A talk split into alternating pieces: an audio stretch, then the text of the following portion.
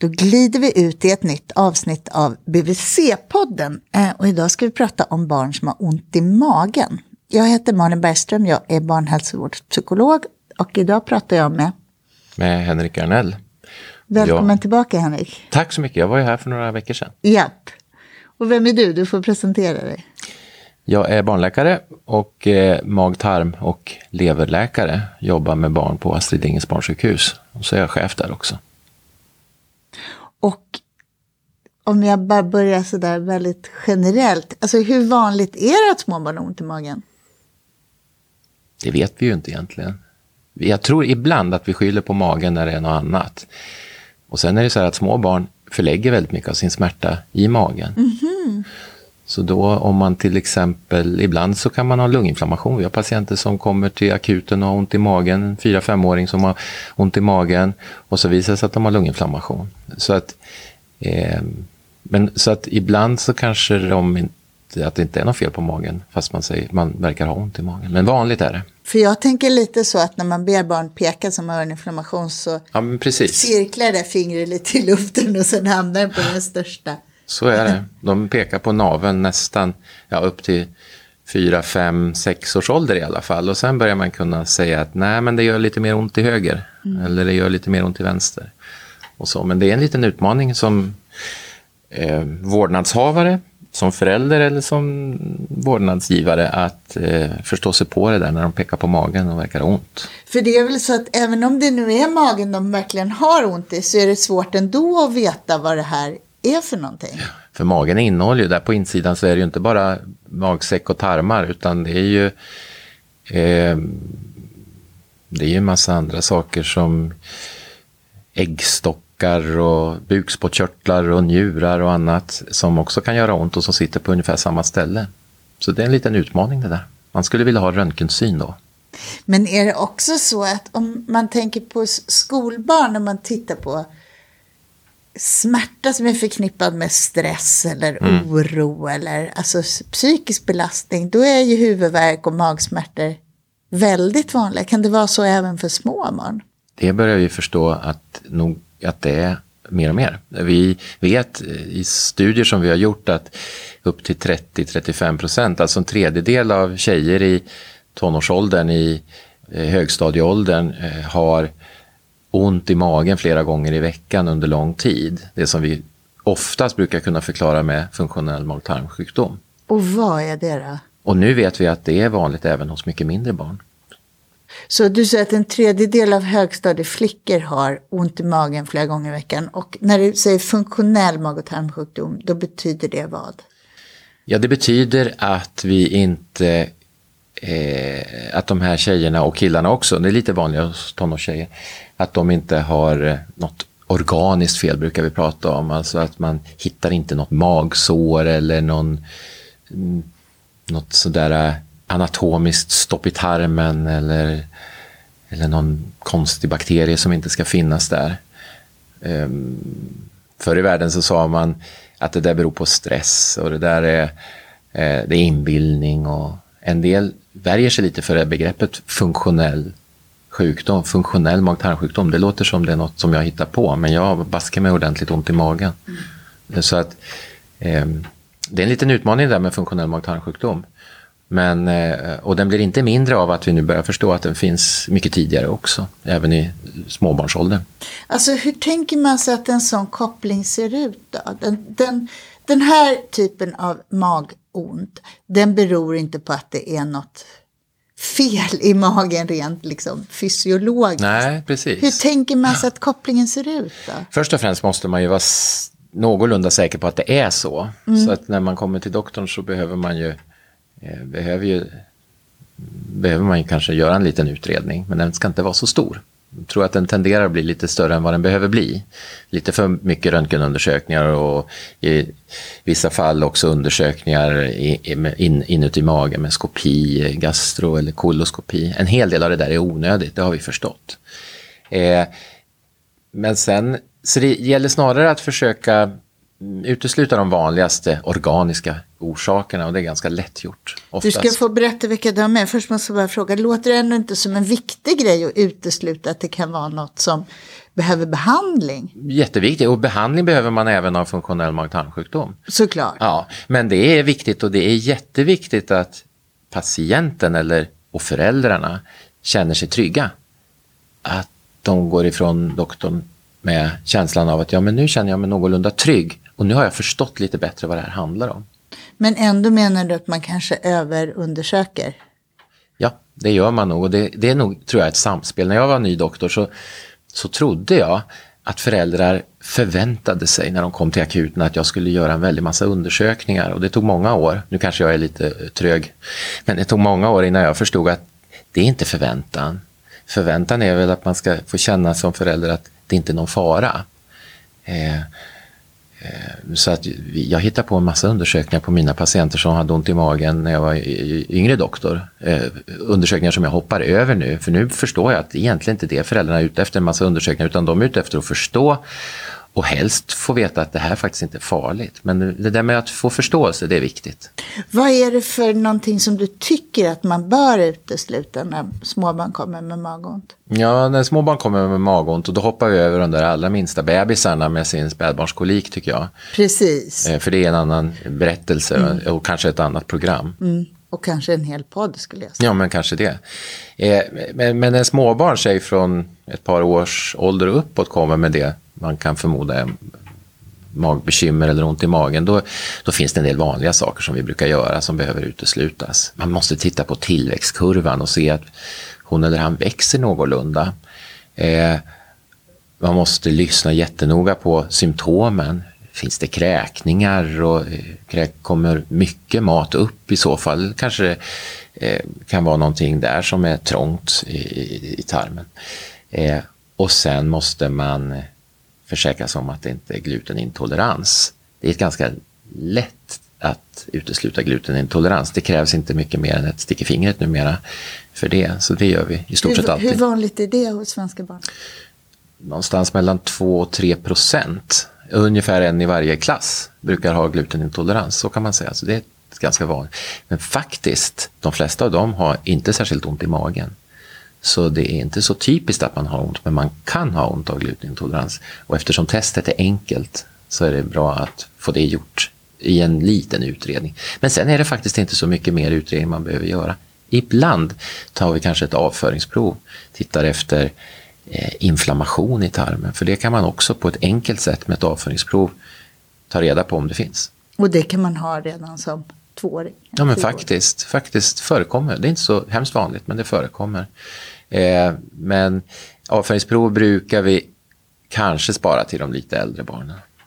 Så att utredningen behöver oftast inte vara så omfattande om det inte är något alldeles speciellt. Du vet, en del kanske har pappa och farfar och, och, och, och något syskon som har bukspottkörtelinflammation, ja men då finns det väl anledning att titta lite mer på mm. bukspottkörteln då.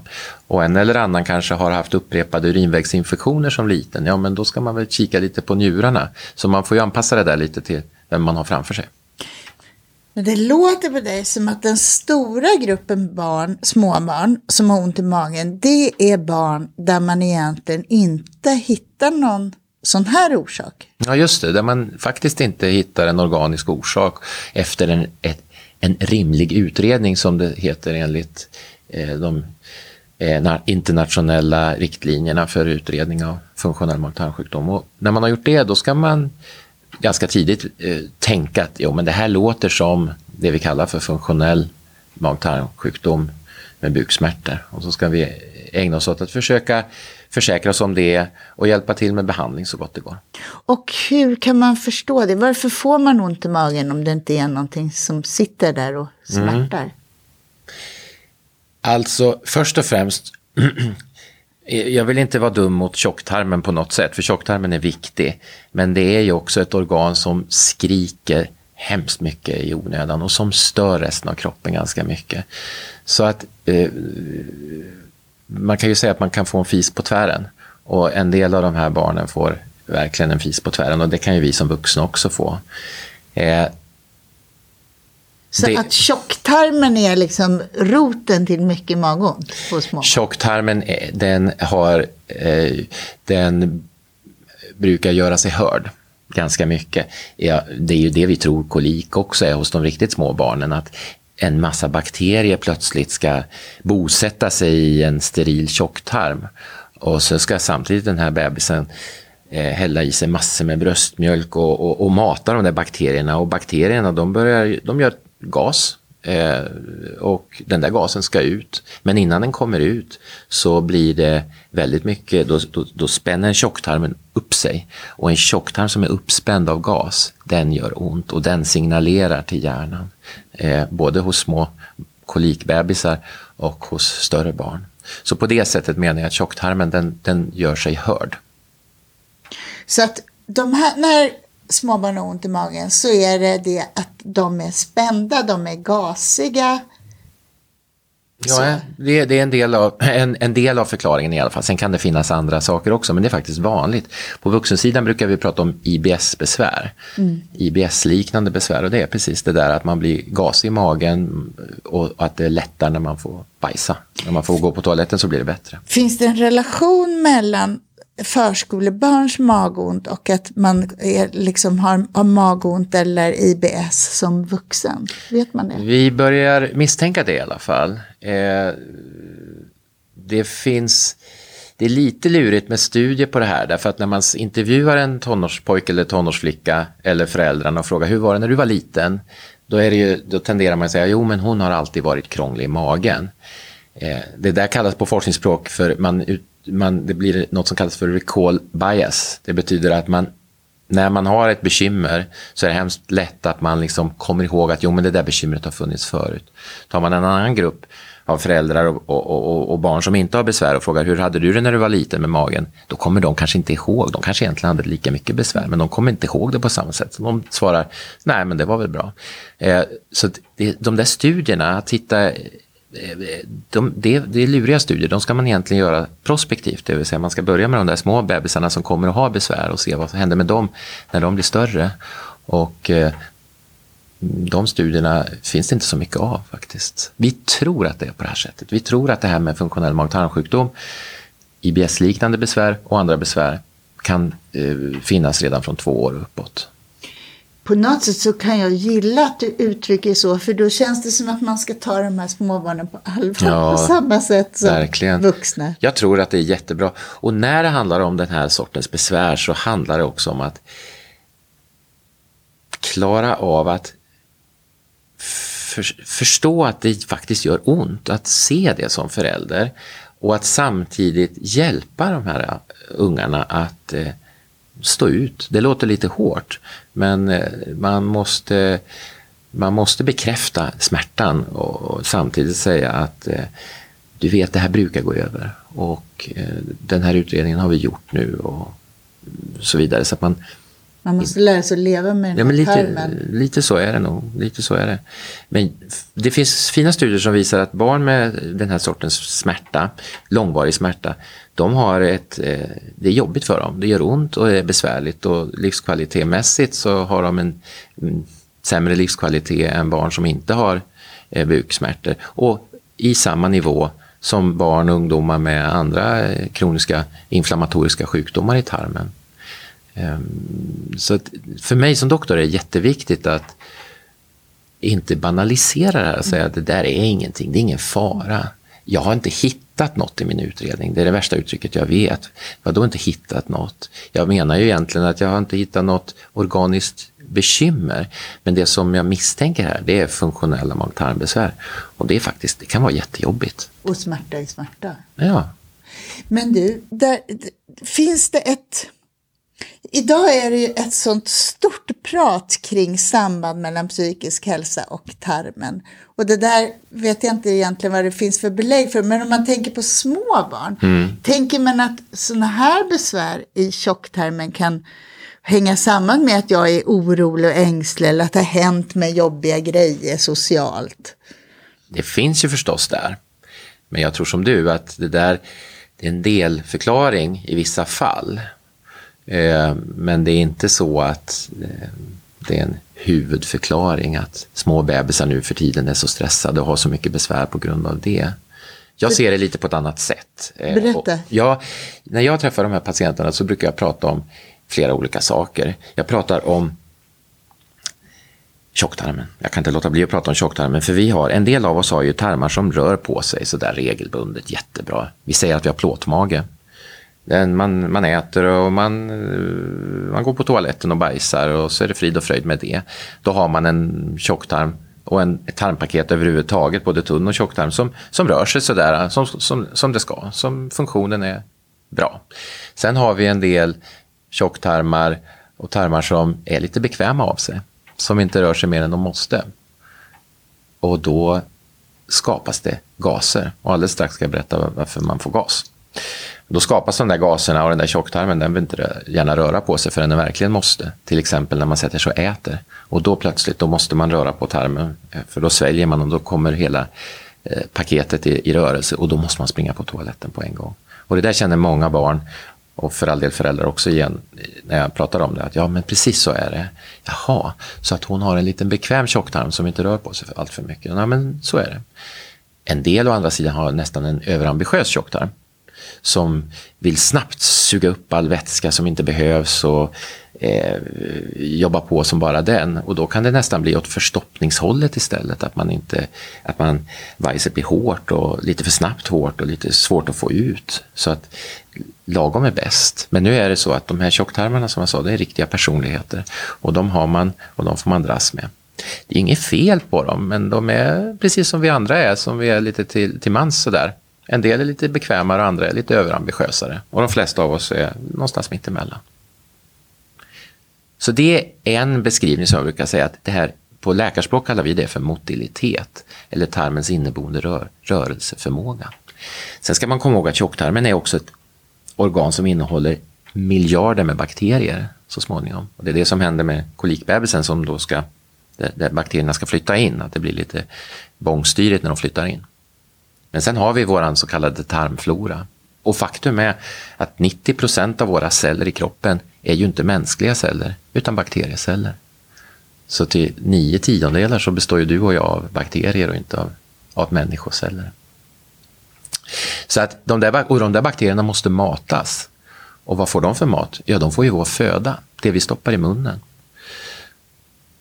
Och när födan går igenom tunntarmen, den sugs upp till viss del så sugs näringen upp i tunntarmen och forslas via blodkärl till levern, lagras upp där och portioneras ut i kroppen så vi kan springa, hoppa, leka och skratta.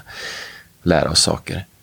Men det kommer en del eh, som vi inte riktigt kan ta hand om själva och som behöver spjälkas och bytas ner av tjocktarmens bakterier. Så det är tur att vi har dem. De hjälper oss att ta hand om sånt som vi själva inte kan bryta ner. Komplicerade sockerarter, stärkelse och fibrer och sånt där. Det har vi ingen förmåga att bryta ner. Men det de gör, det är att de skapar gaser. En del av de här tjocktarmsbakterierna. Så i mötet mellan våra komplicerade, komplexa sockerarter och bakterier så blir det gaser.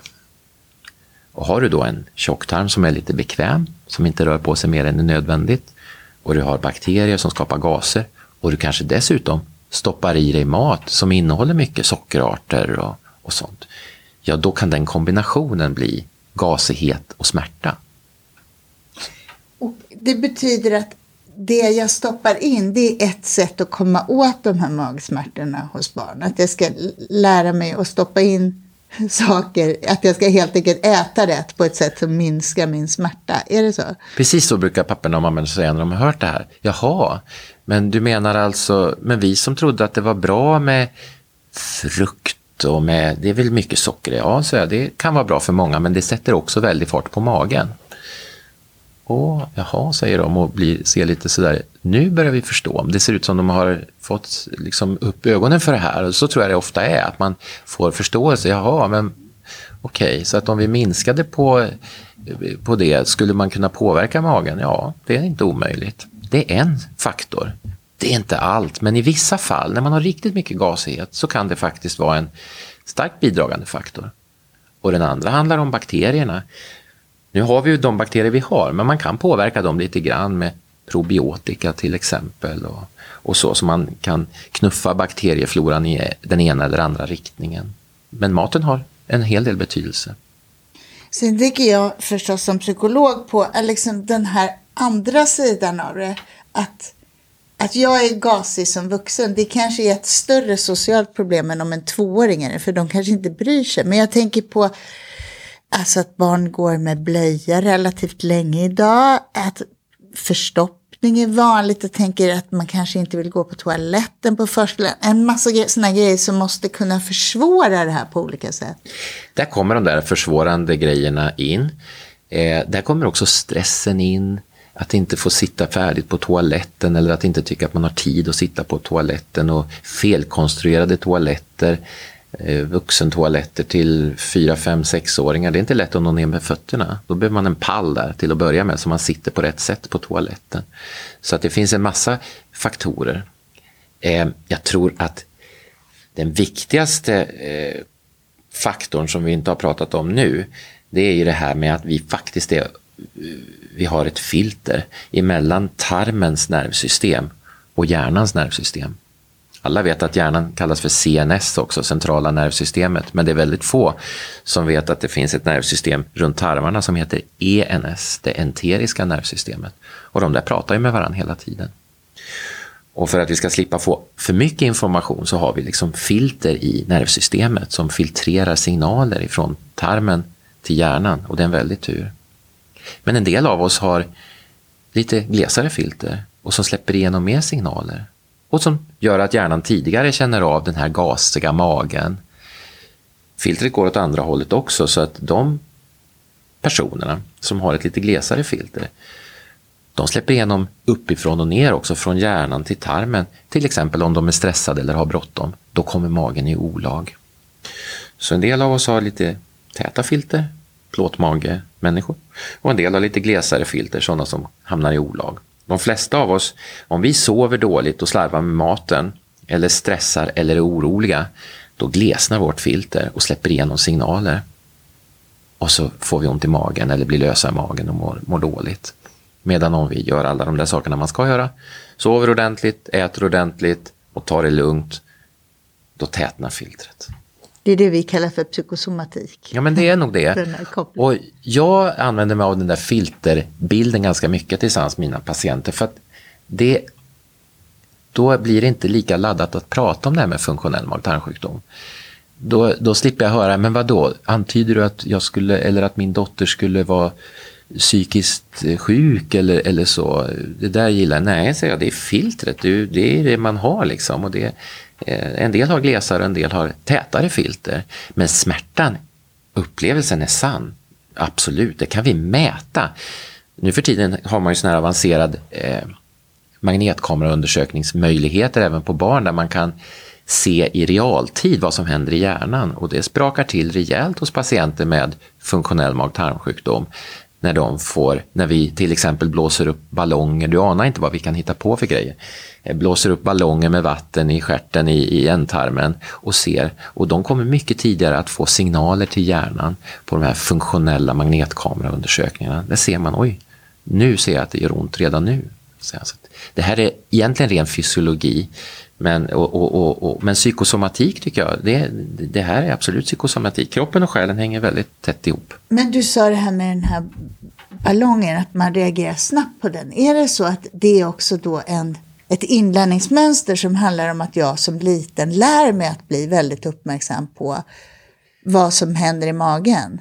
Faktiskt, jag tror att du sätter fingret på en jätteviktig grej. Eh, att om vi förstår att det här faktiskt förekommer även i yngre år, så kanske vi kan hjälpa den familjen att eh, coacha den familjen att hantera den här smärtan och de här besvären på ett, på ett ändamålsenligt sätt. För jag tänker att det där ändå är komplicerat, för vi ska ju också lära barn att uppmärksamma, alltså när vi ska vad heter det, potträna dem, mm. så måste vi vänja dem och träna dem i att de ska vän de måste snappa de här signalerna. Oj, nu kom det bara en prutt, oj, nu kom det bajs och då ska jag skynda mig att gå.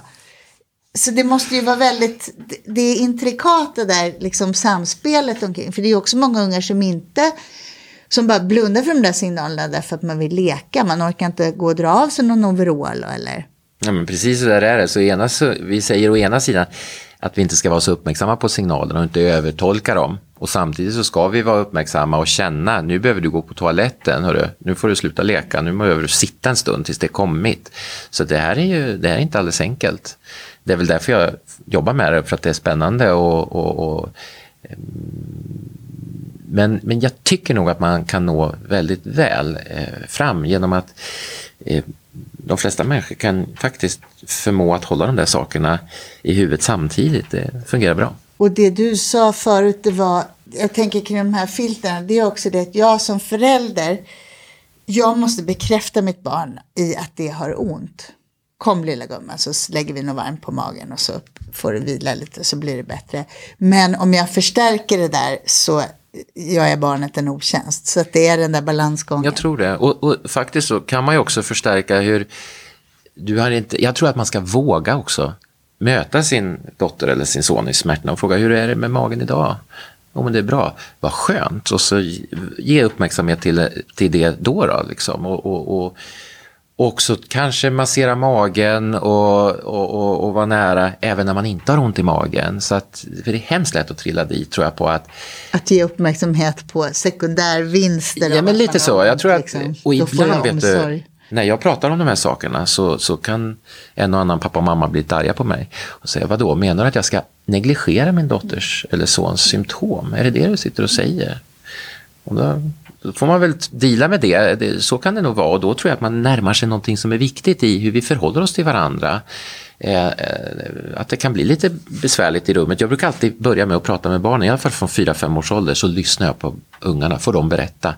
Och så får jag också höra, för då brukar jag ställa såna här eh, frågor av hur, hur är det, brukar de fråga dig, pappa och mamma, som sitter här också i rummet, hur det är med magen eller brukar du komma till dem och vem kommer du till? Och är de oroliga för det här med magen upplever du? Och jag är förvånad över hur, fyra, hur moget fyra femåringar kan resonera och faktum är att jag tror ibland att pappa och mamma får höra saker och ting som, som de inte riktigt har tänkt på själva kommande från sina unga barns munnar de har väldigt många kloka tankar. När jag jobbar med barn med ångestproblem så är det precis samma avvägning. Mm. För att det är så självklart att man som förälder hjälper ett barn som är rädd för någonting. Det, att hjälpa lite lagom mycket och att säga men det där vågar du, det där går bra. Det går emot en sån där grundläggande föräldrainstinkt av att ta hand om. Som är, det behöver man hjälp med som förälder att balansera det där. Svalkande det... likgiltighet, alltså det är inte så alldeles enkelt. Det är, det är, en, riktig, det är en riktig balansgång. Och eh, ja, det, det, det, är inte lätt. Men det kan ta ett tag. Men jag tror att har man förstått anatomin, fysiologin, att det finns en sån i det här också, ett sånt samspel mellan kropp och, och själ eh, ENS och CNS så, så, så, tycker jag ofta att på 30-45 minuters samtal och diskussion och lyssna på patienterna så, så kommer man väldigt långt. Då kan de säga tack ska du ha, det här har vi inte hört förut. Nu, och, och, och så visar det sig att de kanske har ett barn med lite mindre besvär också. Du, vilket, när har barn ont i magen? så här små barn. Jag förstår att det mycket, man kanske inte har studerat det, men jag tänker rent kliniskt. De vaknar inte så ofta av buksmärtorna.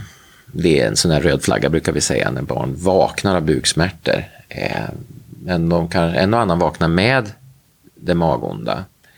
Eh, det vanligaste tiden på dygnet skulle jag säga på eftermiddagar och kvällar. Man kanske har varit igång ganska mycket, rört på sig på dagis eller i skolan och sen kommer man hem och så äter man lite mellis i bästa fall och sen så sätter man sig vid tvn eller vid datorn och då stannar tarmen upp precis som kroppen stannar upp och då rör sig tjocktarmen lite mindre och så bygger man upp en del gaser och så börjar man bli lite trött i huvudet och när man är trött så har man lite svårare att hantera känslor. Det är ofta då man blir irriterad och arg och, och sådär när man har suttit lite för länge vid datorn eller vid tvn. Där tror jag. Mm. Eh, om, om man tänker över dygnet så är det mina patienter oftast, de beskriver att det är värst på eftermiddagarna skulle jag säga. Men det kan nästan vara när som helst.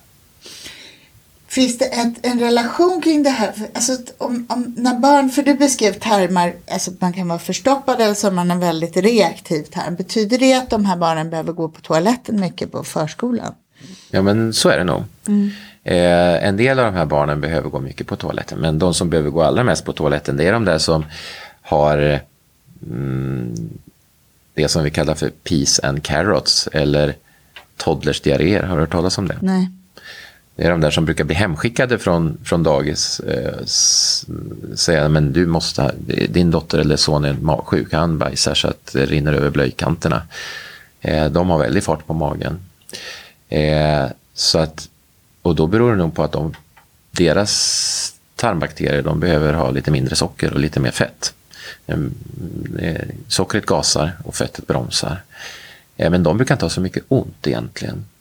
Så de där som har magar som sköter sig lite för ofta, de är nog mindre besvärade av magsmärtor egentligen. Mm. De får andra bekymmer istället. Att det blir jobbigt att behöva gå på toaletten så ofta. Medan det är väl de där lite långsamma, lite överambitiösa magarna som suger upp vätska lite för mycket och som ja, packar ihop och, och, och, och, och så. Eh, som kanske de barnen har det nog jobbigare tror jag. De, och där är faktiskt, det är inte alldeles ovanligt med förstoppning i den här gruppen. Av, vi pratar om funktionell förstoppning. Eh, och, så att förstoppningsbehandling brukar jag vara ganska snabb med att sätta in. Vad gör man då? Ja, det beror lite på vilken sorts, vilka, vilken ålder du har på barnen. Till att börja med kanske se till att de går på toaletten. Att de hittar bra vanor. Att man har en liten pall under fötterna så att man sitter på, i en möjlig vinkel när man ska bajsa. Det är inte lätt att sitta med nästan raka ben. Eh, ja, och kanske att man matar tarmen med lite mer sockerarter då, så det blir lite mer fart på den där magen. Och sen när man har gjort alla de sakerna, då kan man ju ibland behöva tillgripa eh, läkemedel också. Laktulos eller något annat sånt där som man kan få på eh, hos, hos doktorn eller få faktiskt receptfritt också. Men det är inte så vanligt utan det, man kan göra ganska mycket med kost och med vanor så att säga. Och det är till exempel att man regelbundet går på toaletten så ja. att man har ätit? Ja, jag tänker att man, man behöver en liten, ett litet barn behöver gå åtminstone två, tre gånger per dag på toaletten oftast. En, eh, nu pratar jag inte om de där bröstmjölksuppfödda bebisarna som kan, det kan ta både 10 och 14 dagar mellan avföringarna utan att de faktiskt är förstoppade. Men när man börjar äta vanlig mat i förskoleåldern så att säga, då, då ska man sikta på att gå på toaletten ett par gånger per dag. När vi tittade för något år sedan på data över varför barn sökte barnläkare i Stockholms län, då förstod vi att förstoppning var väldigt vanligt. Ja. Även bland småbarn. Ja. Och jag gjorde också, jag, var, jag gjorde en studie på, där vi tittar på alla barn som kom med magbesvär till oss eh, och till barnläkarmottagningarna runt omkring i Stockholm. Och jag kunde ju se att väldigt många kloka barnläkare satte in förstoppningsbehandling på patienter som jag inte hade förstoppningsbehandlat med gott resultat. Så vi har nog en grupp, vi har nog en liten underbehandlad, eh, vi har en del underbehandlade förstoppningar hos våra barn med magbesvär, det tror jag. Det är, det är inte helt fel att eh, utesluta det, att se till att man behandlar en förstoppning, antingen med eh, kost eller med läkemedel. Så det är en viktig aspekt. Är det någonting annat som ingår i behandlingen av småbarn med, med magont? Nej, det är väl... Det handlar om att göra en rimlig utredning. Förstå som förälder att det här sannolikt inte är så farligt. Och sen så utesluta förstoppning. Det, det är liksom grundpelarna i det här. Finns det någonting, jag tänker om man har BVC-perspektivet kring mm. hur man ska fundera på det här som sjuksköterska eller BVC-doktor? Ja,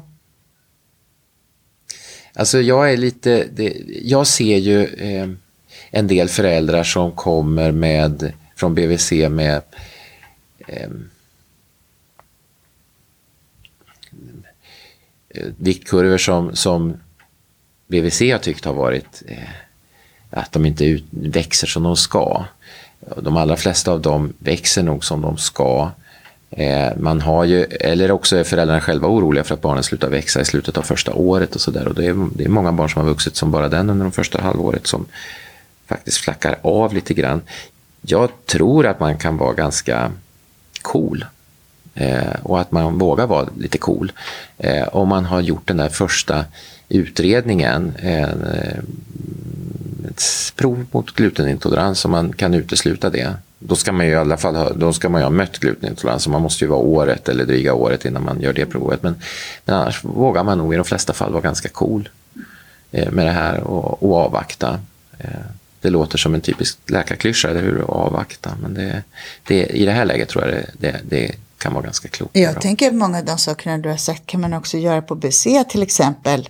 Eh, ge råd kring förstoppning. Det gör man ju förstås. Och eh, att prata med föräldrar kring hur man förhållningssätt det är ju en stor del av jobbet på BVC också. Jättemycket så är det. I den här gruppen så tycker jag att jag hittar en del barn som, och det tror jag kanske inte alla tänker på, men det finns barn med där man tid, som har mycket besvär från sin mage.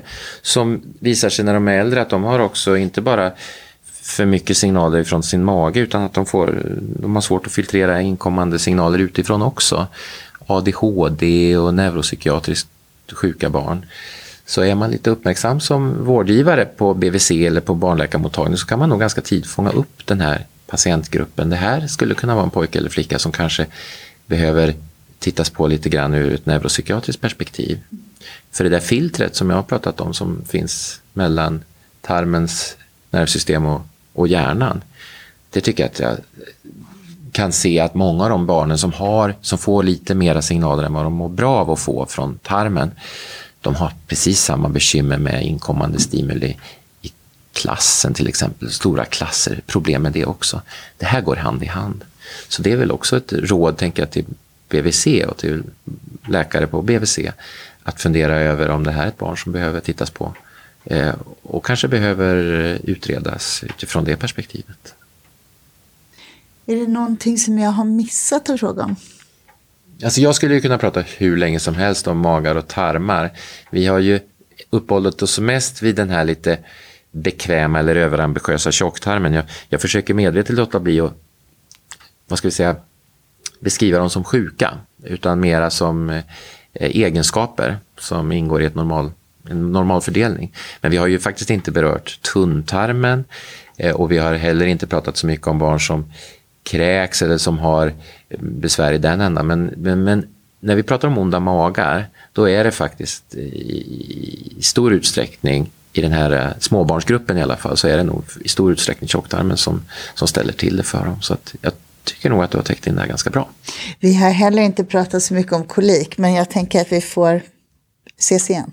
Ja, men kanske det. Eh, vi har ju, jag kan räkna upp massa spännande saker som vi inte har pratat om, men, men det här är minst 90 procent, jag skulle säga 95 procent av alla barn i den här åldern som, som har de här bekymren. Och då är det rimligt att börja prata om det. Då, då säger jag tack för idag Henrik, så glider vi ut i det här avsnittet. Mm, tack, vad roligt att få vara med.